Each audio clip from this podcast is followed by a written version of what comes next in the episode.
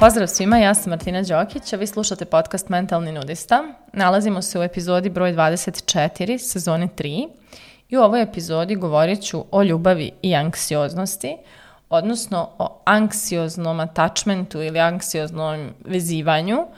e, i na početku ove epizode odmah bih da se ogradim time da ja nisam psihoterapeut, ne posjedujem sva znanja koja posjeduju psihoterapeuti i o ovoj temi ću govoriti puno više iz sebe, iz svog ličnog iskustva sebe kao čovjeka, a na to ću nadodati neke, da kažem, e, fraze, izraze ili koncepte koji dolaze iz psihoterapije,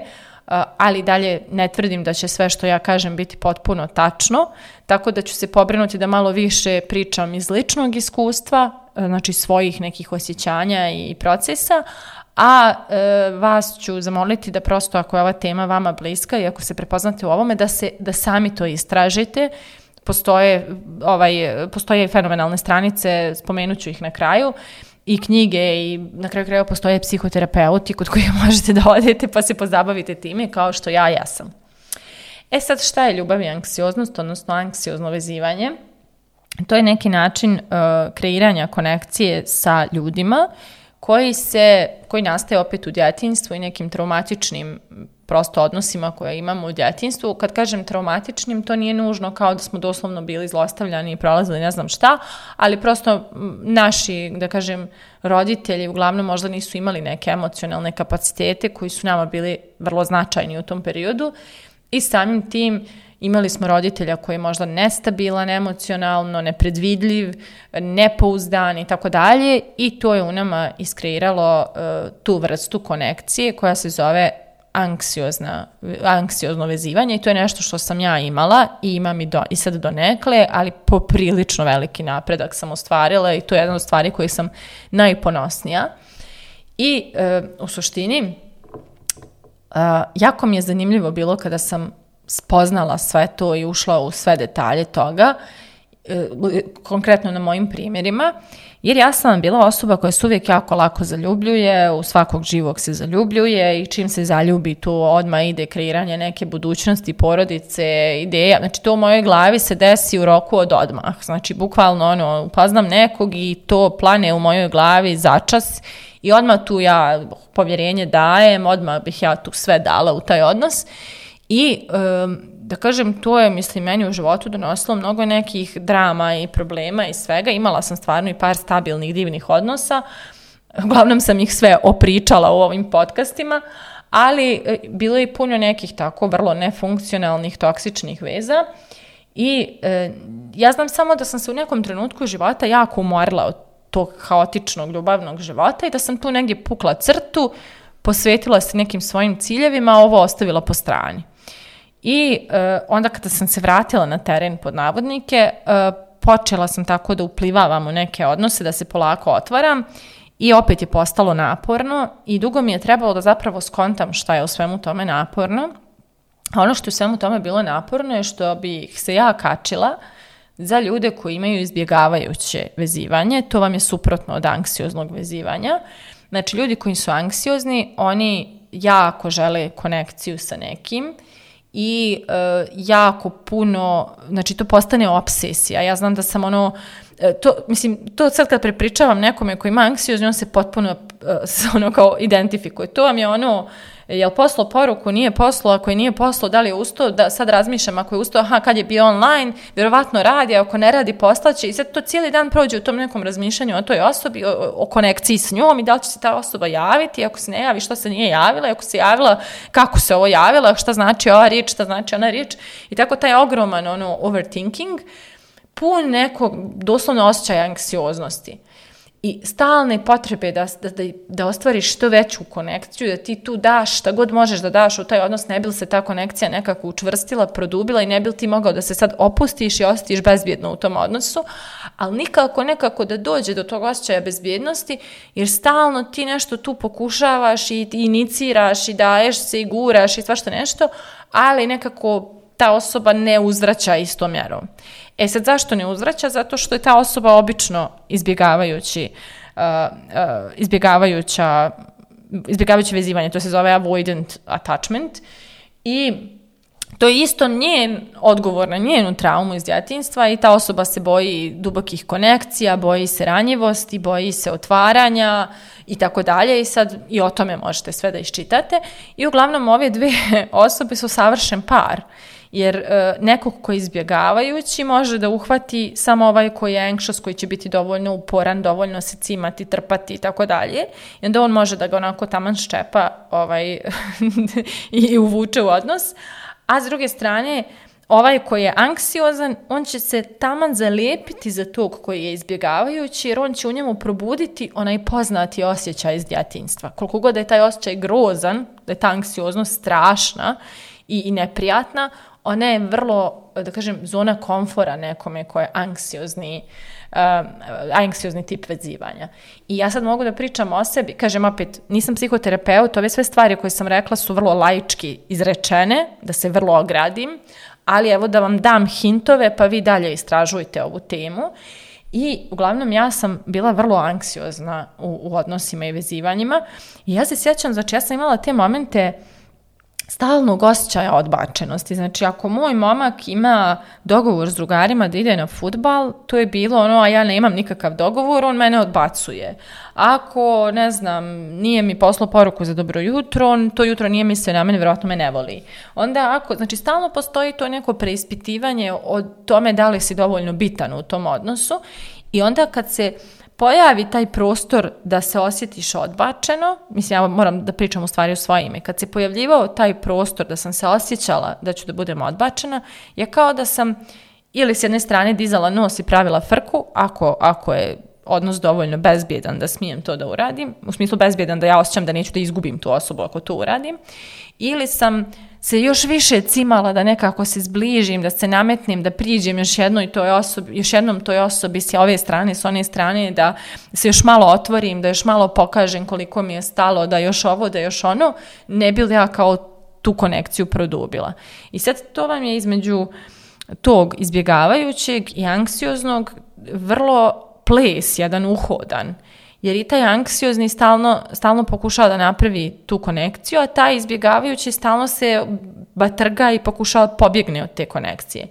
I, na primjer, idealna je L verzija odnosa imati siguran način vezivanja, secure attachment. I to je ono što čemu svi težimo i to imaju ljudi koji su prosto u porodici dobili uh, tu osjećaj sigurnosti, prihvaćenosti, voljenosti, ono u potpunosti i nisu osjećali da je, da je njihova vrijednost upitna ovaj, od malena. Uh, I, e, na primjer, meni je bilo zanimljivo e, u mojoj poslednjoj vezi, e, između mene i tog momka je postojala ta kombinacija, ja sam bila anksiozna sa daškom sigurnog attachmenta koji sam počela da razvijam, on je bio izbjegavajući sa daškom tog secure-a.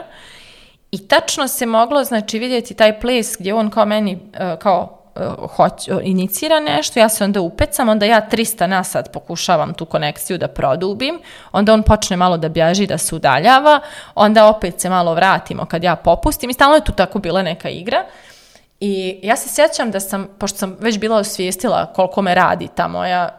tra traumatska igra, i koliko zapravo ono, e, koliko sam stalno anksiozna u tom odnosu jer odradila me ta moja trauma e, počela sam da provaljujem, na primjer, da mi tako se nešto zbližimo, imamo neki lijep dan, divan dan, ono, savršen dan i čim je to nešto tako wow, e, i mi već tu isplaniramo sljedeći, kao sad ćemo i sljedeći dan ovo i ovo i ovo i kao već to sad ide cveta, lista, pupi, sve je full